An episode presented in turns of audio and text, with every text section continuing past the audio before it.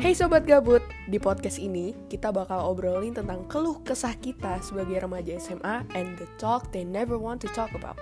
Penasaran kan? Keep on listening guys!